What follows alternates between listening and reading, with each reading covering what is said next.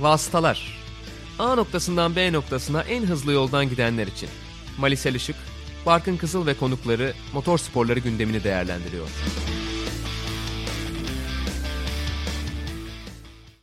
Sokrates Podcast'te Vasıtaların 67. bölümüne hoş geldiniz. Geçtiğimiz bölümde ikinci sezon demişim. Hemen onu düzeltiyorum. Üçüncü sezonumuzdayız. 24. bölümü sezonun ve Brezilya Grand Prix'sinin ardından sizlerle birlikteyiz. Tabii ki de Mali ile beraber. Mali yine sprint hafta sonu şeklinde geçti. Daha doğrusu sprint sıralamanın olduğu bir hafta sonu oldu. Üçüncü defa. Yine bence sprint yarışıyla ilgili çok fazla hani insanı aa kesin olsun ya da yok ya hiç olmasın dedirtecek şeyler olmayan bir sprint yarışıydı. Ben hala kararsızım en azından. Ama yani olmasa da olura biraz daha çok yaklaştığımı düşünüyorum. Sadece şöyle bir Bence kesin olmasın. Bence. Benim kararım çok net söyleyeyim. Evet evet ben de sana doğru geldim. Yani şu artısı oldu. Lewis Hamilton'ın çok iyi performansını izledik. Çok keyifli bir sprint günü olmuş oldu. Herhalde yani o iki sprint var dedirtecekse bir durum buydu. Yani Hamilton tekrar öyle o şekilde görebilmekti. Yani bu kadar farklı şartlar bir yere gelince keyifli olacaksa sprint sıralama bence olmasına gerek yok. Bir de yani %33 oranda keyifli yarış çıkartıyor. Bu sezon bence ortalamamız normal yarışlarda, Grand Prix'lerde daha fazla. 3 yarıştan bir tanesinden bir tık daha fazla olduğunu düşünüyorum. O yüzden yani sprint sıralama hem sıralama turları gibi çok keyifli bir tek tur mücadelesinin kıymetini azaltıyor. Bence oradan eksilttiği için de kötü. E belki işte önümüzdeki yıl şeyi düşünüyorlar. Sprint yarışını bağımsız daha farklı bir şey yapıp pazar günü gridini belirlemeyip ilk ona puan verelim. Ve cuma günkü sıralama turları da yine pazar gününün gridini belirlesine geldiler. Çünkü şeyi gördük. Grand Prix tabii ki bir yarış hafta sonunun en değerli şeyi. Ona kesinlikle dokunulmayacak diye umuyorum. Dokunulmaması da gerekiyor diye düşünüyorum. Gayet güzel zaten orada her şey. Ama sprint sıralama önem sırasında ve keyif sırasında sıralama turlarının önüne geçemedi bence hafta sonlarında. O yüzden şu anda Grand Prix sıralama turları ve sprint sıralama diye bu üçünü kendi arasında önem ve keyif sırası olarak sıralayabiliriz. E öyle olunca sıralama turları için daha doğrusu sprint sıralama için sıralama turlarını e, değersizleştirmenin de biraz mantıksız olduğunu gördük. Yoksa çıkış noktasını anlıyorum Formula 1'in FIA'nın. Haftanın 3 gününde de heyecanlı bir şeyler olsun istiyorlar. Cuma günü biraz daha antrenmanlardan dolayı rutin geçiyor. Ama ona da ihtiyaç var tabii ki istiyorsanız orada da keyifli bir şeyler bulabiliyorsunuz. Ya da biraz daha ısınma biraz daha sohbet havasında da geçebiliyor sonuçta. Yayınlarda da dünyada da bizde de. E, ama bir taraftan 3 güne bir şeyler aksiyon koymak istiyorsanız bunun yolu sıralama turlarını değersizleştirmek değil gibi görünüyor. Bir şekilde bir şeyler yapacaklar mutlaka ama yani önümüzdeki yıl 6 yarışta deneyeceğiz bunu diyordu Stefano Domenicali. Umarım bu şekilde denemezler çünkü 6 yarışında ikisi böyle geçecekse bilmiyorum açıkçası çok yani normal şartlarda herhangi bir ekstra dışarıdan faktör olmadığında, olan dışı bir durum olmadığında da keyifli olabilecek bir format değilse bu kadar her şeye takla attırmanın bence gereği yok. Onu söylemeye çalışıyorum. Yani illa yeni bir şeye de tamamen kulaklarımızı kapatmak değil bu. Ve sıralama turları formatı şu ana kadar çok güzel değiştirile değiştirile geldi. Bazı şeyler çok kötüydü, hiç tutmadı. Bazılarına ha bu güzelmiş biraz değiştirip getirelim dediler. Ve ilk olarak DTM'de kullanılmıştı diye hatırlıyorum. Oradan gelen 3 seanslı bu sıralama turları bence gayet güzel. Ve önümüzdeki yıldan itibaren daha da güzel bir noktaya şöyle getirmeyi düşünüyorlar sıralama turlarını. Sprint olmayan hafta sonlarında. Q2'deki lastik kuralını kaldırıp takımlar istediği gibi istediği lastikle yarışa başlayabilsinler. Böyle bir serbesti sunalım diyorlar. Öyle olunca daha da güzel olacak muhtemelen ki orada da değiştirebilecek güzel şeyleri buluyorlar. Bence sprint sıralamanın o yüzden biraz fazla icat çıkarmak gibi olduğunu düşünüyorum. Ama dediğim gibi bir aksiyonlu seans daha, bir aksiyonlu gün daha katmak istiyorlarsa bunun daha iyi yolları olabilir. Onu da oturup konuşmaları gerekiyor. Ama dediğim gibi yani bu işi çok takla attırdığınızda sadece Formula 1'de değil işte yani yok işte mirastır, kutsaldır şu gibi şeylerden bahsetmiyorum ama çok benzeri bir durumu F2 ve F3'te de gördük. Orada biraz daha zorunluluktan dolayı tabii ki yarış sayısını azaltmadan round sayısını azaltmak istedikleri için hafta sonu 3 yarış koydular. Ya iki kez takla atıyor sıralama turlarındaki performansın grid'e yerleşimi. Önce bir sıralama turları var. Daha sonra onun tersi başka bir grid oluyor. Onun sonucuyla birlikte bir daha takladı falan. Bir sürü karmaşık durumlar var ki ben muhtemelen şu anda tam doğru anlatamadım o kadar düşün anlatmama rağmen. Ona baktılar dediler ki ya bu olmadı seneye biz yine normale dönelim. Hem de Covid'in de etkisi azaldığı için artık. Ki yani dediğim gibi round sayısını azaltmanın sebebi oydu. F2, F3, F1 oluyordu normalde ya da F3, F2, F1 oluyordu. Doğru sırayla söyleyelim. Ama çok kalabalık olmasın padok diye bazı yerlerde F2 bazı yerlerde F3 yapmışlar. Önümüzdeki yıl öyle bir zorunluluk da kalmayacak. Onlar da tekrar biraz hatadan dönmüş oluyorlar. Biraz da zorunluluktan girdikleri şeyden. Ama bu yeni format çok iyi oldu. Onlar da demediler. Yani çok karıştırdığınız zaman da bir taraftan başarıyı cezalandırıyor olabiliyorsunuz. Ters gridin en büyük dezavantajlarından bir tanesi o. Özellikle sporun zirvesinde bunu yapmanın en büyük zararı o. Çünkü yani bunu gördüğünüz zaman büyük takımlar ceza olabilecek, zararı olabilecek şeyleri daha fazla avantaja çevirebilecek vakitte harcıyorlar ki onu konuşacağız zaten Hamilton'ın 5 lira grid cezası ile birlikte. Ya o yüzden bence şey bu ters gridin bence pek yapılmaması gerekiyor. Onda herhalde en fikirizdir diye düşünüyorum. Ee, en azından yarış için veya önem teşkil eden herhangi bir seans için. Ama böyle arada güzel bir yer bulunabilir. Şu anda bulunduğumuz sprint sıralama o nokta değil kesinlikle. Oradan biraz daha geri adım atmak gerekiyor. Ama bir önceki ya da sprint sıralama olmayan yarış hafta sonlarındaki formatında belki biraz daha heyecanlı hale getirilmesi gerektiğini düşünüyor olabilirler. Çünkü şu ana kadar attıkları çoğu adımla güzel pazarlarda Amerika Birleşik Devletleri pazarı başta olmak üzere güzel geri dönüşler aldılar. Formula 1'in popülaritesini çok arttırdılar. Yani %100 Formula 1'i çok uzun zamandır takip eden veya işte daha yakından takip eden izleyiciler olarak bizleri memnun etmek zorunda değil her aldıkları karar. Netflix Drive to Survive mesela eleştirdiğimiz kısımlar çoğunlukla oluyor. Ama çok da faydalı olduğunu bir taraftan yatsıyamıyoruz. E, sprint sıralamayı da öyle bir noktaya çekebilirler bence ama şu an bulunduğumuz nokta bence kesinlikle e, ideal sprint sıralama formatı değil. Ya da sprint yarışlarını koyacaklarsa bir hafta sonuna onun formatı bence bu olmamalı. Buralarda böyle güzel bir formül olabilir onu da araştırarak ve takımlarla konuşarak öğrenecekler. Evet yani illa sprint sıralama olması gerekiyor mu? Sprint yarışı olması gerekiyor mu? Bence o da tartışılır ama işte sen de söyledin zaten. Yokluğunu aramadık olmayan yarışlarda aramadık. Tabii, tabii. Yani ama sayısını arttırmayı düşündüklerine göre zaten hani o yolda kesin kararları belli gibi. Bunu bir şekilde entegre edecekler. Sadece nasıl daha doğru, daha işte uygun, daha keyifli hale getirebilirler. Biraz bence onu arıyorlar ne olursa olsun. Ama sen de söyledin. Bir de kocaman bir anket yaptılar. Acayip katılımlı falan böyle işte. Sonuçlarını her yerde yayınlattılar. Orada da sprint sıralamaya çok az destek var taraftarlardan. Onu da özellikle sormuşlar. Yani bilmiyorum açıkçası. Seyirci desteği de çok fazla yok. Dediğim gibi çok hastası olan da kimse yok. Yani burada yine sprint sıralama yerine Hamilton'ın sürüşü herkesi etkiledi. Ya sprint sıralama ne acayiptiden ziyade evet, Hamilton evet. o kadar kısa sürede nasıl o kadar geçiş yaptı diye insanlar biraz onu ilgiyle karşıladılar. Yani Hamilton biraz kurtarmış oldu bu hafta sonunun sprint sıralamasını. O da olmasaydı, onun aldığı ceza da olmasaydı herhalde yine tek düze geçecekti. Muhtemelen. Yani ben de zaten öyle girdim hatırlıyorsan. Sadece Hamilton'ın evet. çok iyi performansını izledik. Bize kattığı bu oldu diye. Hı hı. Geçelim yarışa istersen. Tabii Lewis Hamilton'ın yine pazar gününde de tıpkı cumartesi günü yaptığı gibi inanılmaz sürüşü ama belki de en az onun kadar etkileyici olan Mercedes'in gösterdiği gelişim, hız anlamındaki artış. Zaten Lewis Hamilton bildiğiniz gibi güç ünitesiyle ilgili değişiklikler de yapmıştı. Zaten cezalar da oradan gelmişti ki tek cezası olmadı bu arada yarıştan sonra kemeri emniyet kemerini çözdüğü için de bir para cezası aldı sonradan. Yani cezalarla dolu bir haftayı kazanarak geçti. Zaten kendisi de Formula 1'deki en zorlu hafta sonu haline gelmişti dedi işte bu cezalar sebebiyle ama belki de Formula 1'de sahip olduğu en hızlı otomobillerden bir tanesiyle yaptı bunu ki yani Mercedes'le yarışan bir Lewis Hamilton için de bunu söylemek çok iddialı. Yani ne kadar altı dolu bir cümle olduğunu da oradan anlayabiliriz. Bu kadar şampiyonluk, bu kadar yıllarca ortaya konan dominasyon. Ama bu kadar hızlı bir otomobil gerçekten çok çok büyük fark yarattı. Zaten Hamilton'ın hem işte cumartesi günü hem pazar günü yaptıklarından da bunu görebiliyoruz. Zaten sprint yarışı da herhalde bir 10 tur daha uzun olsa onu da kazanabilirdi. yani mübalağa ediyor muyum tam emin değilim. Gerçekte olabilir. Tam yarış formatı olsa kesin kazanırdı bence bu arada. Evet değil mi? Ama yani hafızalara kazanacak ve bu şampiyonluk yarışının bu dönemecinde tabii gelmesi ekstra etkileyici bir galibiyete uzanmış oldu. Yani Toto Wolff'un da tepkilerinden anlayabilirsiniz ne kadar o rekabetin kızışmış olduğunu. Ee, o Toto Wolff de kendini gaza getiriyor birazcık komik evet, evet. bence açıkçası. Ay, Christian Horner'la Toto Wolff zaten hani nasıl söylesem bilemiyorum da Türkiye'de hani rakip teknik direktörler bu kadar birbirlerine yüklenmiyorlar. Bunlar ne yapıyor acaba? Ben anlayamadım. İşte o ona parmak gösteriyor Christian Horner başka bir açıklama yapıyor vesaire vesaire ama acayip bir bir, de şeyde bile oldu. çok saçma bir durum var. Yani her ufak fırsatı acayip bir dramaya çevirme konusunda da şey yapıyorlar, çaba sarf ediyorlar. Yani Hamilton'ın DRS, arka kanadın DRS flabının bir kısmında 0.2 milimetreden dolayı, daha doğrusu normalde açılması gerekenden 0.2 milimetre daha fazla açılmasından dolayı bir ceza aldı. Aldığı yani son sıradan sprint yarışına başlamasının sebebi oydu.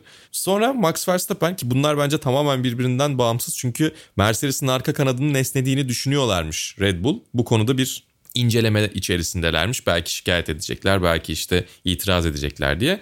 Verstappen de o yüzden gidiyor bir Hamilton'ın arka kanadına dokunuyor. Hı hı. Yani hem Verstappen'in bunu yapması saçma. Çünkü şampiyonadaki direkt rakibinizin aracına dokunmak bence sıkıntılı bir hareket. Çünkü ne olursa olsun herkesin gözü önündesiniz. Sebastian Vettel bunu çok yakından inceleyerek ve sadece lastiklere dokunarak yapıyordu. O yüzden orada bir incelik var. Onu kaçırmış Verstappen'inki de. Hatta de tersiz mesajı var. Şimdi gidip dokunacağım Hamilton'ın kanadına diye. evet. Ön kanada dokunayım o 25 bindir belki daha evet, ucuzdur evet. diyor bir de. Yine işte yani e, müfettiş Seb zaten ondan öğrenmek gerekiyor. Verstappen'in yaptığı da çok akıllı bir hareket değildi ama Mercedes'in gidip de ya orada dokunmuş ne malum oradan sonra bunun böyle olmadığı gibi çok komik bir açıklaması da var. Daha doğrusu yaptıkları şeyde savunmada bundan da bahsetmişler. Ya bir kere zaten yani araçların ürettiği downforce'la birlikte sadece gülünmesi gereken bir şey. Ama bunu kendileri bilmelerine rağmen muhtemelen bunu gerçekçi bir şey olarak söylemiyorlar ama en ufak avantaj avantajdır diyerek bunu korkunç bir psikolojik meydan muharebesi haline çevirdiler. İki taraf da yaptı bunu.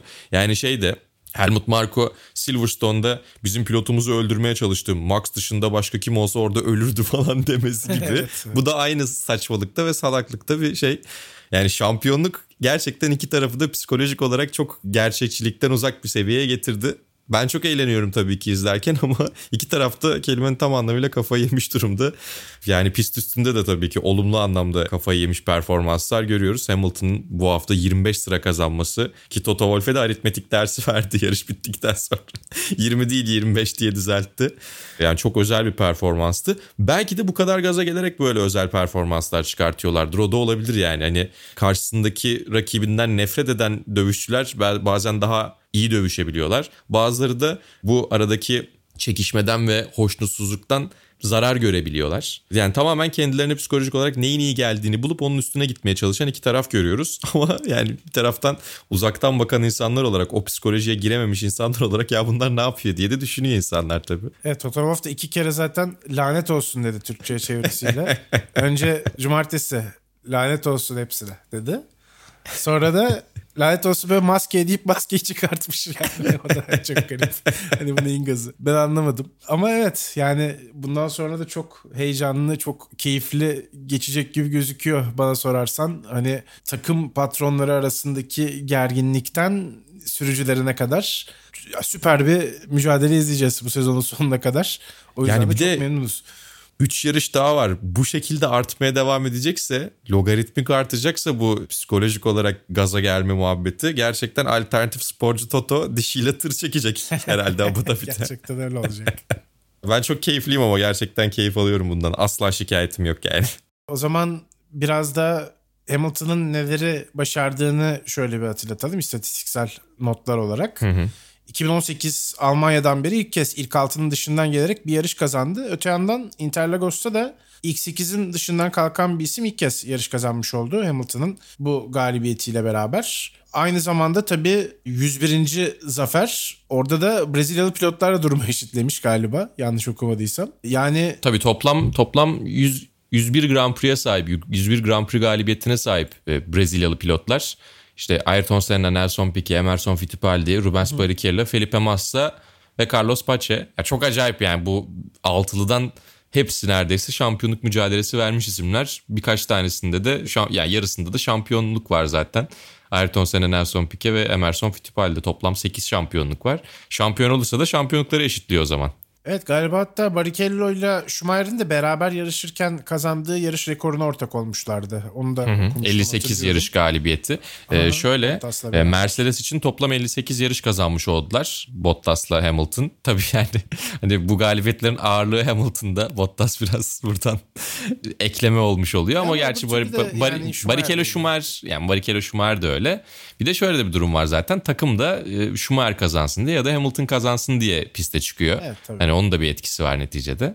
Ama gerçekten hani özel performanslar ve özel rekorlar kırmaya devam ediyorlar. Ve o kadar rekor kırmaya, sürekli rekor kırmaya alışkın bir takıma da diş gösterebilen bir Red Bull'u ve Max Verstappen'i görmek de ayrıca keyif veriyor. Yani çıkıp burada sadece Mercedes'i veya Hamilton'ı övmek değil, bu rekabeti ve bu çekişmeyi de övmek gerekiyor diye düşünüyorum. Ama gerçekten bu hafta sonu Mercedes'in ve Hamilton'ın takdir görmesi gereken hafta sonuydu. Bu hafta biraz onlardan bahsedeceğiz yani hep. Evet zaten şu ana kadar da dikkat ettiyseniz biraz öyle geçti zaten. Olağan dışı bir hız gerçekten. Hani Ferrari'nin bu 2019'da iki yarış kazanıp kaçtıkları dönemi hatırlatan bir hız. Motordan kaynaklanan hız yani ondan bahsediyorum. Yani tabii yine itirazlar olabilir bilmiyorum. Belki de olacaktır. Red Bull Ya cephesi muhtemelen sakin fark kalmaz. şu gibi işte Barkın. Herhalde katılırsın bana diye düşünüyorum. Ya 2019 Ferrari çok başka bir seviyeydi. Biz zamanda nasıl bunu anlamamışız diye de düşünüyorum. Burada illegal bir şeyler var diye anlamamız gerekiyordu. Çünkü Monza'da arkasındaki aracın DRS'si açıkken uzaklaşan Ferrari'yi falan görüyorduk ki aslında saçma sapan bir durum. Çok güzel bir yarış olmuştu bu arada Leclerc ve Hamilton arasında. Yani o Tabii. keyifli Monza'yı Tabii tabii evet yani bize. biz sonuçta yine keyif aldık da daha çok şüphelenmemiz gerekiyordu. Ben keyif alarak izliyordum da pek öyle şey geçmemişti aklımdan. Bize birazcık bizim hatamız. Aynı zamanda tabii vasıtaların da ilk bölümü Tabii. e, ilk res, resmi bölümü Monza sonrasındaydı. şeyde E, pilot Spa'daki bölümü deneme de bölümüydü. diyelim hani o da Spa'ydı zaten. Evet, Ferrari'nin pilo- pi- güç ünitesiyle açtık vasıtaları yani. evet gerçekten öyle oldu. Bizim gazımızla. 3 sezon. Pilot, pilot bölümde şakalı bu arada. Evet dinleyicilerimizin aklına geliyordur. Evet çift Tabii. esprili. Çok düşündük. yani şey tabii şu anda Mercedes'in hesapladığı şey şu gibi görünüyor. Şimdi birkaç yarıştır diyorduk ya ya Bottas'a sürekli yeni motor veriyorlar. Ne yapıyor bunlar falan diye. Muhtemelen şu anda yaptıkları şeyin bir provasını yapıyorlardı. Çünkü çok bir manası yok gibi görünüyordu. Yani diyorlardı işte incelememiz gerekiyor, sıkıntı var diye. Belki hakikaten dayanıklılığından da korkmuş ve Bottas üstünde denemiş olabilirler bunu ama bir taraftan dayanıklılık endişesiyle bunu yapmak zorundalar. Onu da söylemek lazım. Sezon içerisinde motorla ilgili herhangi bir şey değiştiremiyorsunuz. Motorlar dondurulmuş durumda ve dayanıklılık endişesi, güvenlik endişesi yoksa performans için herhangi bir değişiklik yapamıyorsunuz. O yüzden ya biz motorda sıkıntılar gördük, fabrikaya gönderdik, o yüzden değiştiriyoruz demelerinin sebebi de bu olabilir diye düşünüyorum. Belli olmaz yani endişeli görünmek zorundalar ki bu bütün takımlar, bütün güç ünitesi üreticileri için geçerli. Onun dışında parti modu çok konuşulan bir şeydi geçtiğimiz yıllarda. Motor haritası değiştirerek tek turda çok ciddi performansı elde edip pazar günü yarışta daha farklı bir motor haritasıyla daha koruyucu bir şekilde, daha muhafazakar bir şekilde yarışı sürdürebiliyorlardı. E bu sene onlar da yasaklandı tabii. Farklı motor haritaları kullanılamıyor. O yüzden tamamen parti modunda güç ünitesi getirip sezon sonuna kadar gittiği yere kadar gider. Gitmediği yerde 5 lira grid cezası alalım diye bir riske girmiş olabilirler. E başka şansları da kalmadı aslında. Yani sonuna kadar yettirerek eldekini uzatmaya çalışarak Red Bull Honda'yı geçemeyecekleri ortaya çıktı. Çünkü Honda güç ünitesi e, yarıştan yarışa 0.1 saniye kaybediyoruz. Bizde o kadar fark olmuyor dedi hatta Christian Horner. Mercedes'in zirve gücü yani ulaşabildiği maksimum güç çok daha fazla. Ama bir taraftan o gücü sürdürebildikleri yarış sayısı daha az gibi görünüyor. Onun dışında yani daha istikrarlı bir güç ünitesi Honda öyle görünüyor. Ama tabii ki Mercedes'te motoru sonuna kadar açtığında ki içten yanmalı motordan bahsediyoruz. Sadece burada değişen parça olduğu için. Sonuna kadar açtığında da ne kadar acayip şeyler yapılabildiğini gördük. Bu tabii ki demek değil. E, oraya Hamilton yerine başka kimi oturtursanız o geçişleri yapabilecek ve o kadar tırmanabilecek. Çünkü çok özel bir hiçbir şey yoksa çok özel bir mental kapasite gerektiriyor. Ama bir taraftan da Mercedes'in ne kadar e, üstün bir şekilde gelip geçtiğini gördük. Özellikle düzlüklerde 330 kilometreyi falan gördüler ki Brezilya'da zannetmiyorum o kadar normalde ulaşılması gereken şeyler değil.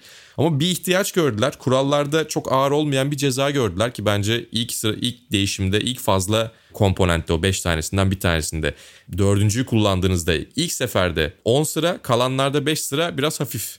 Yani FIA onu değiştirecektir muhtemelen önümüzdeki yıl çünkü Evet. cezanın normalde katlanarak artması gerekiyor. Atıyorum ilkinde 5 sonrasında 10 belki üçüncüde Üçüncü ekstrada 15 gibi düşünürsün. Ama ceza ilk başta daha sert sonrakilerde daha az. 5 e, sıra kapatılabilir gibi görünüyor bir de yani. Bundan sonraki her yarışta yeni güç ünitesinin e, bir parçasını ki muhtemelen yine içten yanmalı motoru getirip o 5 sıra cezasını yiyip bir şekilde çok daha hızlı bir otomobille de gelip geçebilirler belki. Bu gerçek bir taktik olursa Red Bull Honda bu sefer ters köşede kalmış olacak. Çünkü bahsettik onların en büyük avantajı e, güç ünitesinin yarıştan yarışa çok fazla değişmemesi. Bu da herhangi bir parça değiştirerek işte yani motor değiştirerek performansı çok fazla arttıramamaları anlamına gelebilir. Yani geçen sene çok daha farklıydı tabii ki işler. Dediğim gibi o parti modu ve şimdi cumartesi ve pazar arasındaki farklarla. Ama yani bir önceki bölümde buradan sonra artık Mercedes ne yapar gerçekten bilmiyoruz. Red Bull ve Verstappen gidiyor demiştik. Şu an sanki tek bir senaryo üzerinden belki şansları olabilir gibi görünüyor. Ve yani yarışların gerçekten bilinmezliklerle dolu olması. Önümüzdeki iki pistte daha önce hiç çıkmadılar. Sezonun son yarışı da Abu Dhabi'de ama pistin bir kısmını değiştirdiler. O yüzden %100 bildikleri bir piste çıkmayacaklar aslında hiç. Ama bu önümüzdeki iki yarış çok ilginç olacak. Hava sıcaklıkları çok önemli olacak diye düşünüyorum. Çünkü düzlük avantajı tabii ki Mercedes'te. İşte Katar'a baktığımızda çok fazla yavaş virajlar yok açıkçası. 6. ve 10. viraj biraz daha öyle MotoGP'den hatırladığım kadarıyla. Ama yani gidip görmek gerekiyor. Hiç beklemediğimiz şeyler olabilir. Bu sene tanıdığımız bildiğimiz pistlerde bile biri öne çıkar dediğimizde diğer takımın öne çıktığını gördük Mercedes ve Red Bull arasında. O yüzden yani çok keyifli olacak ve en azından Mercedes'in birazcık mücadele edebileceği bir şey ortaya çıktıysa yani bu şampiyonun son yarışa gitme ihtimali ben çok fazla görmüyordum. 26 puanın üstüne ya da 26 puana çıkabilir gibi duruyordu sanki geçtiğimiz hafta baktığımızda Meksika'dan baktığımızda. Ama şimdi en azından son yarışa gidebilecek bir bir ufak hamlesi daha bir elinde bir kart daha var gibi duruyor Mercedes'in. Bu da güzel bir şey tabii ki. Bir ufak hesap yapmışlar yine e, Twitter'da gördüm. E, önümüzdeki iki yarışı Hamilton ve Verstappen ilk iki sırada bu şekilde bitirirlerse yani Hamilton birinci Verstappen ikinci bitirirlerse en hızlı turları da almazlarsa başkalarına giderse ya kimse alamazsa aynı puanda son yarışa gideceklermiş. Benim için şu anda ideal senaryo bu. Evet zaten en hızlı turların takım arkadaşlarına gitmesi de çok olası gözüküyor. Birbirlerinden puan çalmak için. için. Evet. Hı hı. Yani ekstra pit stop yapıp en hızlı turu kovalayabiliyorlar zaten. Burada evet, da gördük. de senin de söylediğin gibi yarış temposunda da fark zaten arkadakilerle de çok açık oluyor. Bir pit stopluk fark oluyor. Öndekileri de tehdit edebilecek gibi olmuyorlar ya da öndekilerin pit stopta arkalarına düşebilecekleri bir mesafede de olmuyorlar. O yüzden deneyebiliyorlar. Hakikaten güzel olur bence yani iyi bir senaryo bu bence. Mercedes'te Red Bull'un tabii 11 puan önüne geçti. Onu da söyleyelim. Markalar şampiyonasında Mercedes önde. Sürücüler şampiyonasında Verstappen önde. Çok heyecanlı bir sezon sonuna gidiyoruz gerçekten ne olursa olsun. Hatta Bottas Mercedes'in bundan daha da fazlasını çıkartabileceğini düşünüyordu. Tek pit stop yapsaydık o zaman duble de yapabilirdik demiş. Bilmiyorum. Muhtemelen yetmez diye düşünüyorum. Çünkü şeyi bile denemediler. Yani ikinci pit stop'tan sonra üçüncü stintte orta hamuru bile denemediler. Evet hala sert lastik vardı. Ben de onu söyleyecektim. Evet. Ya Ki Hamilton da istedi onu. Bana yanlış lastik verdiniz dedi ama bana güven dediler. Ya bize güven dediler Hamilton'a. Ki muhtemelen doğru tercihti. Çok fazla ufalanabilecek bir potansiyel vardı. Yani Yuki Tsunoda dışında kimse yarışa zaten yumuşak hamurla başlamadı. Yumuşak hamuru en hızlı tur denemesi dışında da kimse kullanmadı zannediyorum. Çünkü paramparça oluyordu lastikler. E, o yüzden bakıldığında doğru tercihi yaptılar. Daha fazlası gelebilecek gibi görünüyordu ama tabii ki pit duvarına da güvenmek gerekiyor. Önlerinde devasa bir veri akışı var. O yüzden pilotların ya belki çıkartabiliriz dediği şeyler bazen pistte göründüğünden daha farklı olabiliyor. Evet sıcak havayla beraber tabii çok lastik aşınması anlamına da gelebiliyor bazen. Pistin şartlarına da bağlı olarak. Böyle de bir durum oldu gerçekten. Bence de çok Bottas'ın hani dediği gibi olmayabilirdi. Belki onu ama Red Bull deneyebilirdi. Çünkü Perez hmm. çok daha iyi lastik saklayan bir isim. O şekilde belki hani bir fırsat yakalama ihtimalleri olabilirdi. Zaten Perez'in de podyum serisi sona ermiş oldu. Herkes gibi pit stopları Şanssızlıkla bir de hem de. Hı hı. Ya evet tabii güvenlik e, sanal güvenlik aracı bölümü Bottas'a çok yaradı. Bir anda işte orada takla atmış oldu Perez ile Bottas'ın arasındaki mücadele. Dediğim gibi belki Red Bull bunu düşünebilirdi ama artık çok da fazla risk almak istiyorlar mı? Onu da bilmiyorum. Belki çok riskli olurdu o şekilde devam etmek. Mutlaka zaten bizden daha iyi o risk ödül hesaplamalarını yapıyor takımlar. Belki şey olabilir. Ama işte bazen de cesaret gerekiyor. Yani şimdi 11 puan gerideler Mercedes'ten. Bundan sonra belki daha da cesur olabilirler diye düşünüyorum. Yani şey olabilir belki sonlara doğru lastikler çok bitmiş olursa vakit de kaybediyor olurlarsa birkaç turdur. Arkalarına doğru en hızlı tur için pit stop yapacak boşluğu bulamama ben korkmuş olabilirler. Öyle bir puan olabilir. Hani hem geçilip ya bir şey olabilir çünkü yani o bir puanı alamayacak o bir puanı feda etmek zorunda kalmış kalacaklarından şüphelenmiş olabilirler. Çünkü öyle olduğunda tabii bir sıra daha Lökler'e örneğin geçilmek istememiş olabilirler. Belki öyle bir hesap yapmışlardır ya da dediğin gibi daha fazla risk almak istememiş olabilirler. Ama gerçekten çok keyifli bir yarış izledik. Ön bölümdeki liderlik mücadelesi. Bir kere zaten senin görüşlerini ben çok merak ediyorum o konuda. Verstappen limitte hatta biraz limiti aşarak savunma yaptı. Biz de acayip keyif aldık bu sayede. Evet yine olaylı ikili pist üstünde bir araya geldiler. Pist üstünde de kalmadılar. Pistin dışında da bir araya geldiler. Ben kaza bekliyordum. Yani istatistikler yalan söylemez dedim ama bu sefer yalan söylediler. Sprint haftalarında çünkü Verstappen ilk defa Grand Prix gününden puan almış oldu sprint haftasında. İkisinde de kaza yapmışlardı Silverstone'da ve Monza'da. Bu sefer de yaklaştılar bence yani. Onu yani şeyde WhatsApp'ta da konuşuyorduk hatırlıyorsun. Yani Verstappen ile Hamilton arasındaki bu olayı. Ben olay özelinde yani bir ceza durumu çıkar mı çıkmaz mı temas olmadığı sürece çok fazla çıkmıyor gibi geliyor bana. Hı hı. Öncelikle. Yani o yüzden anlayabiliyorum. Verstappen'in de orada bir ufak hata yaptığını görüyoruz aslında. Yani doğrudan Lewis Hamilton'ın tamamen önünü kapatmak niyetinde değil bence.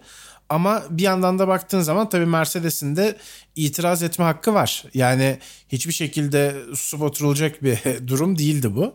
Michael Massey de zaten hani bırakalım yarışsınlar şeklinde cevap verdi. Yani dediğim gibi itirazı açık ama ceza çıkması gerekli olmayan bir durum gibi gördüm ben. Bilmiyorum sen ne diyeceksin yani ama. Yani incelemeye alınmaması birazcık ilginçti sadece. Evet incelemeye alınıp sonra belki hani ceza çıkmadı diye. Ki yine bakacaklar. Onu da söyleyelim. Her araçtaki araç üstü kamera canlı yayına görüntü göndermiyor. Onboard kamera. Bazıları araç içerisindeki kamera, yani kameranın kendisi kaydediyor onu. Sonrasında offline olarak alıp, çevrim dışı olarak alıp inceleyip izliyorlar. Dolayısıyla yarış sırasında onu bu şekilde izleyememişler. Ama sonrasında bakacağız, inceleyeceğiz diyordu Michael Masi. Tabii Michael Masi demişken yine iki taraf tarafından çok fazla sıkıştırılmaya müsait bir ortam yaratıyor Michael Masi. Bu kadar yumuşak başlı olması beni birazcık rahatsız ediyor gerektiğinde takımlara sert yapabilmesi gerektiğini bir kez daha gördük. Yine çok fazla sıkıştırdılar yani onu. Evet ya bir de işte bu dediğimiz gibi zaten önceki bölümlerde de ekrana yayına yansıma durumu ters Hı-hı. konuşmalarının biraz otoritesini yani sarsıyor değil mi? Michael evet. Massey için. Yapacak bir şey yok herhalde ona. Yani bu tavrın ben değişeceğini çok sanmıyorum. Umursamaz gözüküyor en azından. Hani öyle bir tavır. Hani belki sert ya da otoriter değil ama daha böyle sakin, Bıkmış görünüyor bazen. Evet. Bezmiş daha doğrusu. Bıkmış da denebilir. Ama hani çok da öyle umursuyormuş gibi durmuyor açıkçası. Yani şeyi anlıyorum. Ya şimdi Charlie Whiting'in öğrencisi olarak onun ekolünden gelen biri Eduardo Freitas gibi ya da bizim daha önce bahsettiğimiz diğer yarış direktörleri gibi sert yapmıyorlar. Ama Charlie Whiting'in o kadar yumuşak başlı ama net bir otoritesi vardı ki yumuşak başlı kısmı tamam net otorite kısmında bence problem yaşıyor Michael Massey. Onu oturtmak için de çok uzun yıllar tabii ki saygı görecek kadar çalışmak şey yapmak gerekiyor. Hani gittiği yolu anlayabiliyorum ama bence birazcık daha sağlam basmalı, biraz daha net durmalı. En azından ses tonunu bile değiştirse söylediği şeyler daha güzel olmasına evet, rağmen. bence de. Bence yani de bu arada. Ses tonunu değiştirse kurtarır ki yani aksanından veya şeyden bahsetmiyorum. Ama biraz daha net bir tonlamayla bu kadar nasıl söyleyeyim rahatlatıcı ya da işte kapsayıcı cümleleri kursa herhangi bir problem olmayabilir. Çünkü yani yangına körükle gerçekten gitmiyor. O konuda takdir edilebilir ama ses tonu birazcık bence takımların ona kurduğu ses tonundan, ona seslendiği ses tonundan farklı. Bence biraz daha kendisini takımların yukarısına o anlamda konumlandırabilir.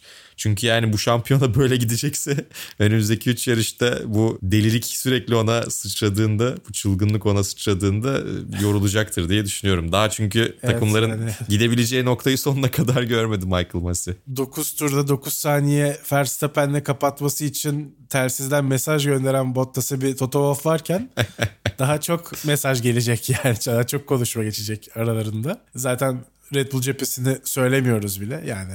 o Verstappen'in Verstappen'den başkası olsaydı kazada ölürdü açıklamasından beri ben çok konuşmuyorum Red Bull'un yaptığı açıklamalarla ilgili. Zaten Yani tabii şimdi Helmut Marko'ya da yani Bull çok fazla cezai ehliyet vermek lazım mı emin değilim. Helmut Marko durup durup ortaya bir şeyler fırlatsın diye takımda bulunan birisi. Yani iki tane görevi var. Bir saçma sapan açıklamalar yapmak. iki Red Bull'un junior pilotlarını baskı altına sokup onların hayatını zorlaştırmak. Hani onun dışında Hayır, değil. yani ya Chris Norner güzel dengede. Hayır ama Ben yani Chris Norner Toto Wolff'le dengede mesela. Şeyi düşün. Ya Chris Norner'ın saçma açıklamaları Toto Wolff kadar saçma. Hani Evet, birbirini doğru. dengeliyorlar. O konuda bence çok güzel bir denge kuruyor Chris Norner. Laf arasında bir şey söylüyor. Kişisel saldırıyor bazen ama şey gibi değil ya Helmut Marko gibi herkesin bir anda kafasını döndürüp ne diyorsun abi diyeceği tarzda bir şey değil. E, o yüzden Helmut Marko'nun görevi çok daha farklı. Bu arada ya ondan o da isteniyor olabilir. Potansiyeli görmüşlerdir. Bu adam hepimizden daha saçma şeyler yapabiliyor günlük konuşmalarda özel hayatta. Abi sen bunu basına da söyle ki biraz dikkat dağılsın demiş olabilirler. Çünkü Helmut Marko'nun saçma açıklamalarını görünce Chris Norner daha makul bir adam gibi görünüyor. Bu da güzel bir denge bence onlar için. Bu çok doğru bir tespit bu arada. yani orada Helmut Marko gerçekten açıklamaları sadece bu sebeple bile yapıyor olabilir dediğin gibi. Yani Benim eskiden- çok kafama yattı. Eskiden aslında şey rahmetli Niki Lauda da biraz öyleydi.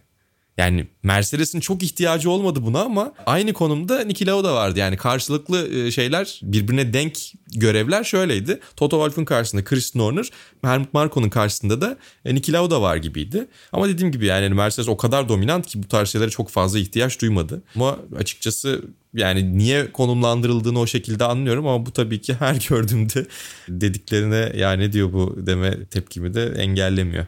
Evet biraz da diğer takımlardan da bahsedelim istersen. Çok fazla Mercedes Red Bull ağırlıklı bir bölüm oldu ama çok da normal. E, yarışta da diğerleri hiç ekrana gelmedi neredeyse. Ama geçmeden tabii birkaç datumumuz daha varmış hemen onu da söyleyeyim. Yani Perez'in Hamilton'a yaptığı savunma çok güzeldi. Aklıma o geldi. Önce Hamilton kendisini geçti sonra Perez geri aldı sırayı. Hmm. Çok güzeldi. Sonra Hamilton'ın geldiği hızı gördün değil mi? Yani Evet. araçüstü kameradan. İnanılmaz. ya böyle bir hız farkı nasıl olabilir diye düşündüm ben gördüğüm zaman. E artık ona da zaten Perez'in vereceği bir cevap kalmadı ki Hamilton Verstappen'i geçtikten sonra da zaten doğrudan hani fark açıldı. Bir daha da zaten oradan dönüş olmadı. Ki Verstappen kötü bir yarış hafta sonu geçirmedi bana sorarsan. Ben son olarak onu söylemek istiyorum. Sonra Bence de gayet iyiydi. Max Sadece Hamilton çok iyiydi. Yorumları gelebiliyor çünkü. Bu şekilde de biraz gridin diğer takımlarından bahsetmeye başlayalım istersen. Grid'in diğer takımları demişken tabii Ferrari McLaren mücadelesini öve öve öve sonra aradaki farkı 30 puana çıkartmış olduk. Hatta 30 puandan daha da fazla oldu. 31,5 puana çıktı fark. Sürekli yakın gidiyorlar aman ne güzel oluyor falan diye diye McLaren'ın e, formunu da bitirmiş olduk gerçekten. Bunun tek sorumlusu bizi Zach Brown bizi arayabilir. Vasıtalara konuk olursa gerekli özrümüzü dileriz. Bu arada yine bir son dakika haberi var. E, Audi e, McLaren grubunu satın almış. Dolayısıyla Formula 1'e öyle bir yoldan giriyorlar gibi görünüyor. E, orada da finansal anlamda Walking'deki teknoloji merkezlerini satıp sonrasında lease etmek zorunda kalmışlardı. Hisse satmak zorunda kalmışlardı ama sonra tekrar düze çıkmışlardı McLaren grubu. Şimdi bir başka otomobil markasıyla ki zaten iki ihtimal vardı. McLaren'ın otomobil bölümünü BMW satın almak istiyordu ya da McLaren Racing ile birlikte McLaren yarış divizyonu ile birlikte tamamen komple Audi alacaktı. Audi'ye gitmiş. Öyle bir son dakika haberimiz de var. Bakalım gelecek onlara neler getirecek ama Ferrari gerçekten çok daha formda. Bence Lando Norris'in formdan düşmesi McLaren'ın en büyük problemi oldu ki seneye çok iyi başlamıştı ve sürekli geri kalanların en iyisi hatta üstteki ikinci pilotları da geride bırakabilen bir pilottu. Ama o formdan düşünce McLaren'da bir anda birer ikişer puan alabilir hale geldi. Daniel Ricciardo'nun da yine çok yukarılarda olmamasıyla. Tabii ki yine değişebilir bu durum. Önümüzdeki yarışlar yine kime daha uygun olacak göreceğiz ama son iki yarıştır gerçekten çok az puan aldılar. Yani Alpine'den Alfa Tauri'den falan daha az puan topladılar. Evet yani bir de Ferrari'nin çok istikrarlı iyi performansı da tabii McLaren için kötü oldu. Üçüncülük savaşında çok geriye düşmüş oldular. Audi konusuyla ilgili de zaten Audi veya Porsche'den bir tanesinin Formula 1'e gelebilme ihtimali her zaman yarış severleri heyecanlandırıyor benim bildiğim kadarıyla. Ama biraz işte E, şey oluyor. o açıdan. Yani kelliye çare, cam uzana hapis şoku tarzı böyle sürekli döndürülen ve arkasından bir şey çıkmayan haberler gibiydi. Bu sefer gerçekten uzun zamandır ilk somut adımı gördük. Çünkü yani güç ünitesinde de MGUH'in çıkartılmasıyla 2025'ten sonra Porsche veya Audi'nin Volkswagen grubunun çok ilgilendiğini biliyorduk. Ama yani ilgilenmekle bu iş bu iş çok fazla çözülmüyor. Muhtemelen şeyde çok yakınlardı. Emisyon skandalı öncesinde çok yakınlardı girmeye. Emisyon skandalı patlayınca zaten Dünya Dayanıklık Şampiyonası'ndan ve Dünya Rally Şampiyonası'ndan da çekilip sadece Formula E'ye odaklandılar. Biraz çevreci göstermek için kendilerini. Daha doğrusu çevreci çözümlere odaklanabilmek için. Yani öyle olunca tabii çok geri dönmeleri de uzun sürdü. E şimdi Le Mans'a dönüyorlar. Hem Audi hem Porsche dönüyor. McLaren'ın böyle bir aklından geçiyordu. Ki onlar da sonrasında galiba ya resmi olarak açıkladılar ya düşünüyoruz yakınız dediler emin değilim şimdi. E, bir taraftan McLaren Extreme E'de de yarışıyor. Ya bunların hepsi bir araya geldiğinde bu iki markada Audi'de McLaren'da birbirlerinin yarıştığı tüm serilerde yer alacaklar gibi duruyor belki.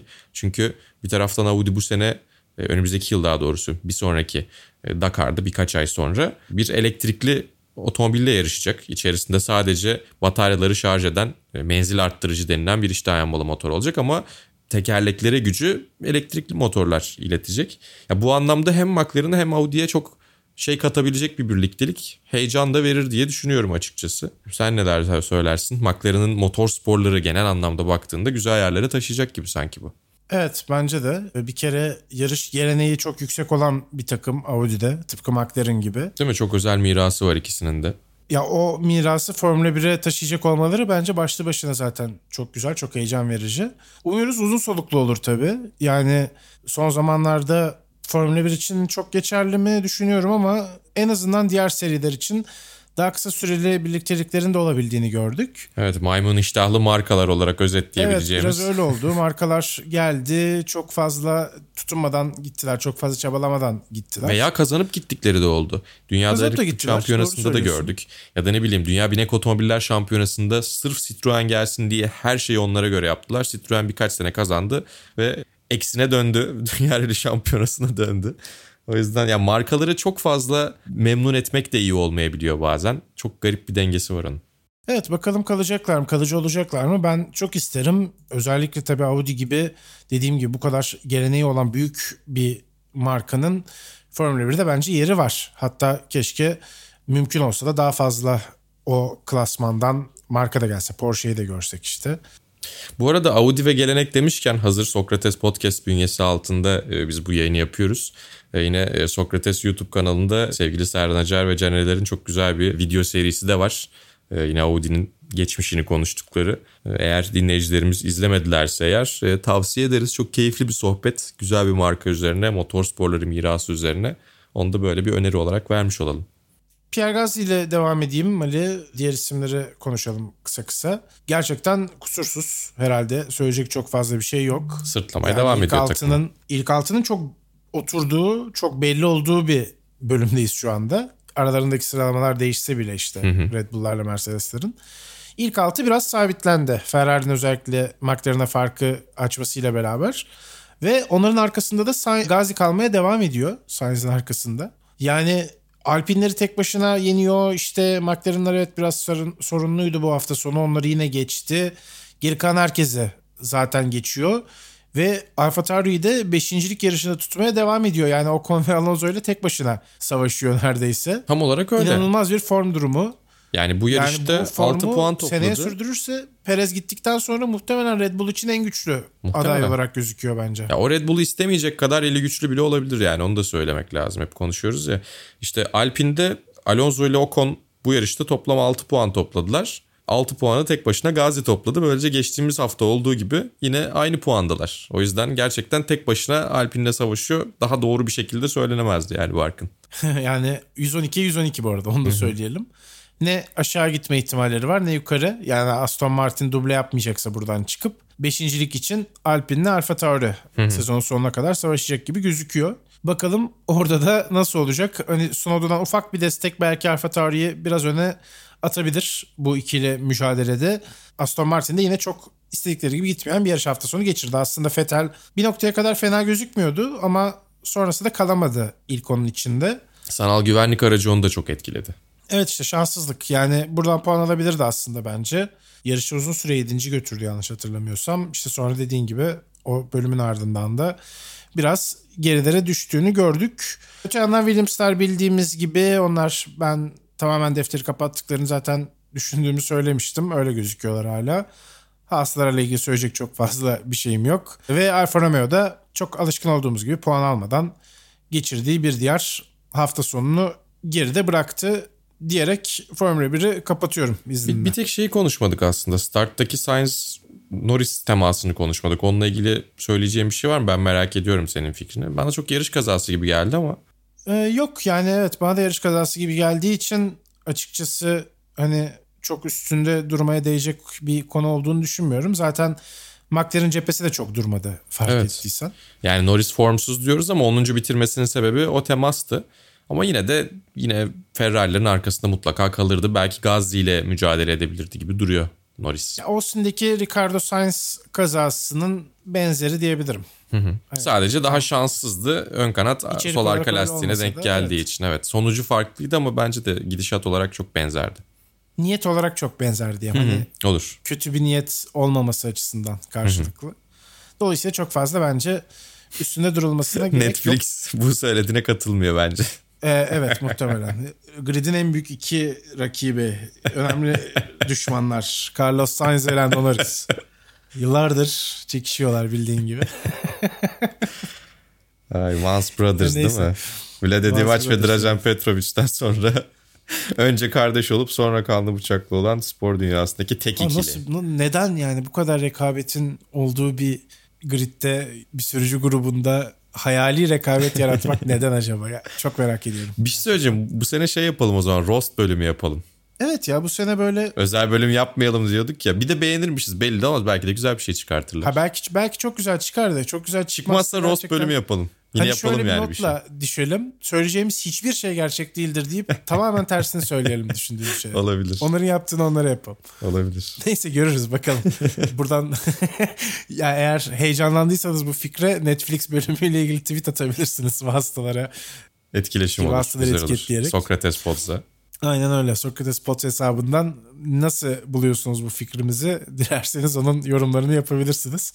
MotoGP'ye geçelim. Tabii ki Valentino Rossi vedasını gerçekleştirdi. Vay Biz be. de Rossi ile ilgili bir bölüm yapmıştık zaten. Çok uzun uzun konuşmuştuk. İzgecan Günal da gelmişti. Dolayısıyla o bölümü de tabii dinleyebilirsiniz. Önermiş olalım. Mali sen de mikrofondaydın. Rossi'nin son yarışında mikrofonda olacağını çocukken düşünmüş müydün? İlk olarak bunu soracağım. Yok ya gerçekten. Onun dışında yani. Rossi gibi çok büyük bir efsaneyle ilgili artık vedasınlardan neler söylemek istersin? Yani şey Rossi şapkasıyla gittim yayına. Sevgili İzge ile birlikte 3 yayını da anlattık. 2019'da da yapmıştık bunu. Seneye de yapalım demiştik ama şartlar el vermemişti. Ve sezonun kapanışında en azından Moto3, Moto2, MotoGP eğer programlarımız e, uyuyorsa beraber anlatmak istiyorduk. Güzel oldu o yüzden keyifli oldu. E, dediğim gibi bir Rossi şapkasıyla gittim. Onu da Valentino Rossi'yi burada Türkiye Grand Prix'sinde izlediğimde e, almıştım.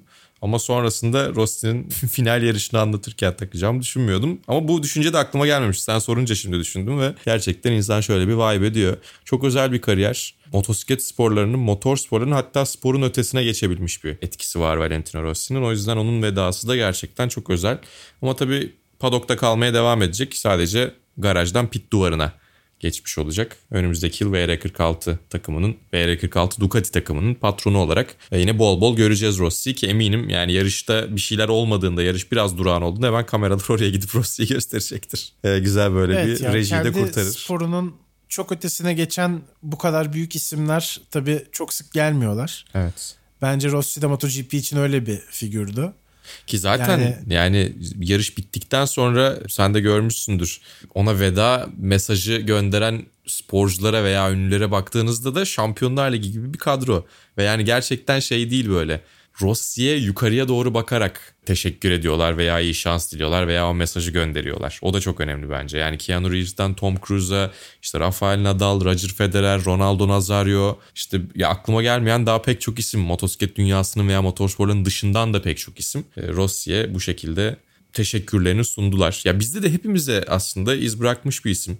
İşte Serhan abi tweet attı. Daha önce Rossi'yi anlatmış olmaktan dolayı çok mutluyum diye Eurosport'un ilk zamanlarından. İlker Duralı, sevgili İlker abi genellikle İzge ile Amerikan güreşi yayınlarını paylaşıyor. O da yine Rossi'yi anlatma keyfinden dolayı yine bahsettiğimiz Eurosport Türkiye'nin ilk dönemindeki yayınlardan dolayı çok memnunum diye anlattı. Yani herkes de bir ufak ufak bir şeyler bırakıyor sonuçta. Ya izleyerek ya anlatarak ya onunla birlikte çalışarak herhangi bir şekilde ve herkes çok memnun tabii ki e, Rossi'nin sporda böyle bir iz bırakmış olmasına. Herkes de böyle bir iz bırakmış olmasından. O yüzden duygusal anlarda yaşandı yani. Ama o sadece yarışa odaklanmıştı. Yani kendisi özel bir kaskla dahi çıkmadı. İyi bir performansla bitirmeye çok kafayı takmış. 10. bitirdiğim için çok mutluyum. Öbür türlü kepazelik olurdu falan demiş. O da işte Rossi'nin ne kadar e, büyük bir sporcu olduğunu gösteriyor. Yani bu sezon çok kötüydü. Gerçekten ilk ona girmesi onun için podyum kalitesinde. Ama son yarışında bile o performansa odaklanmış. Ha ben hala zaten kuryelerde 46 numaralı Evet işte. kaskları görüyorum yani. Motosikletlerde etiketleri görüyorum, çıkartmaları görüyorum. Evet. Biraz 93'te yanına ek- eklendi bu arada. Küçük küçük bilmiyorum farkında mısın? Var var Ama yine görüyoruz. 46 çok ağırlıklı. Çok yani başka. Ya bak yazı tipi olarak bile, font olarak bile Kadıköy Moda'da bir tane pideci var. Adını gerçekten hatırlamıyorum şu anda. Poşetindeki fonta baktığımda, yazı tipine baktığımda Aa, ben bunu bir yerden hatırlıyorum dedim. The Doctor'ın aynısı mesela. ya denk mi gelmiştir? Hakikaten Rossi fanı mıdır onlar bilmiyorum ama ya böyle günlük hayatta sürekli görebildiğiniz bir şey. Yani o çok çok her şeyin ötesinde bence. Ve kişiselleştirilmiş numaraların da bazen ne kadar önemli olabildiğini görüyoruz. Belki Mia Schumacher'in de zamanında öyle bir numarası olsaydı ki kişiselleştirilmiş numarası çok uzun süre birdi onun ama yani bir o kadar şey olmuyor tabii. Belki F1 daha erken o sisteme geçmiş olsaydı Mia Schumacher'in numarasını da öyle görebilirdik diye düşünüyorum. Belli de olmazdı yani. Evet yani bence de olabilirdi. Ama bir numarada yakışıyordu. Yani Tabii, tabii, şimdi yakışıyordu. bir şey yok. Bir numaranın en bir çok yakıştığı sezonları evet daha çok yarışçılardan da. Evet. Ya bir de yani bir numara demişken önümüzdeki yıl için mutlaka bunu konuşacağız ama Fabio Quartararo bir numarayı kullanmayacakmış. Max Verstappen şampiyon olmadığı takdirde bir numarayı yine görmeyeceğiz gibi duruyor büyük sporlarda. Oje şampiyon olacak, emekli olacak onu da göremeyeceğiz. Oje kullanıyor normalde. İlginç yani. Belki Verstappen de tercih etmez yani. Bununla Yok Verstappen açıklaması var kullanacağım demiş. Evet kesin kullanacağım Ben çünkü çok görmemişim. hem de şey demiş. Yani ne- bu ne kadar bir daha ne, ne zaman elime böyle bir fırsat gelir bilmiyorum. Bir de bir numaralı ürünler güzel satar demiş. Peki. yani yani eğer marketing departmanı 33 numaranın boşa çıkmasından şikayetçi değilse Ama boşa da çıkmıyor ki yine onda zaten 33 ayrıca satar bir de ayrıca satar ki bence herkesin öyle düşünmesi gerekiyor. Ben çok katılıyorum buna. Çünkü herkes diyor işte aa işte 44 Hamilton'ın markası o yüzden şey yapamaz ya da işte 93 Marquez'in markası kesinlikle bunu yapamaz. Yani eğer bir numarayı kullanmama sebebi marketingse bence yanlış. Rossi'nin sebebi Tabii, farklı. Ben zaten sürücünün kararı olarak düşünmedim. Evet. Yani bu iş planlamasında da artık ona göre bir plan yapacaklar. Sonuçta Bence de. Verstappen ben bir numarayı kullanacağım dedikten sonra tabii ki de öyle bir şey olmaz. Ben açıklamasını görmemiştim sadece. O yüzden merak Ya ettim. Hamilton sevmiyor diye kullanmıyor. Kendi numarasını seviyor diye kullanmıyor. Rossi zaten Berişiğinden dolayı motosiklet tarihinde şampiyon olup bir numarayı almayan ilk isim. Veya bunu gelenek haline getiren isim. İlk isim olmayabilir belki bilmiyorum istatistiklere bakılınca yanlış çıkabilir. Ama Berişiğinden dolayı o 7 numarayı kullanmaya devam ediyor. Rossi de o yüzden 46'yı kullanmaya devam ediyor. Ama onun dışında yani Joan Mir bence kullanmalıydı. Çünkü bir daha bir numaranın yanına muhtemelen yaklaşamayacak. Anlatabildim mi demek istediğim şeyi? Evet, o yüzden yani geldiğinde de kullanmak gerekiyor açıkçası. Ve bir numarayı kendinizle özdeşleştirebiliyorsunuz. Ben hala bir numara deyince Mick Doohan direkt olarak gözümde canlanıyor mesela. Bir numarayı o kullanmamayı tercih etseydi, kendi numarasını kullansaydı belki o kadar akılda kalmayacaktı. Ya da numarası akılda kalmayacaktı. Mick Doohan tabii ki kalırdı ama bilmiyorum yani. Peki o zaman bir de Moto 3 tabii vardı MotoGP hafta sonuyla beraber. Sevgili Deniz Öncü'nün yine güzel bir hafta sonu Çok güzel döndü. Söyleyebiliriz. Maratonda devam ediyor bir yandan. Mali önümüzdeki hafta yine var bir yarışımız. Dolayısıyla vasıtalar da var tekrar. Biraz da süremizi esnettik. O yüzden hızlıca kapatalım. Önümüzdeki hafta tekrar görüşmek üzere. Hoşçakalın. Hoşçakalın.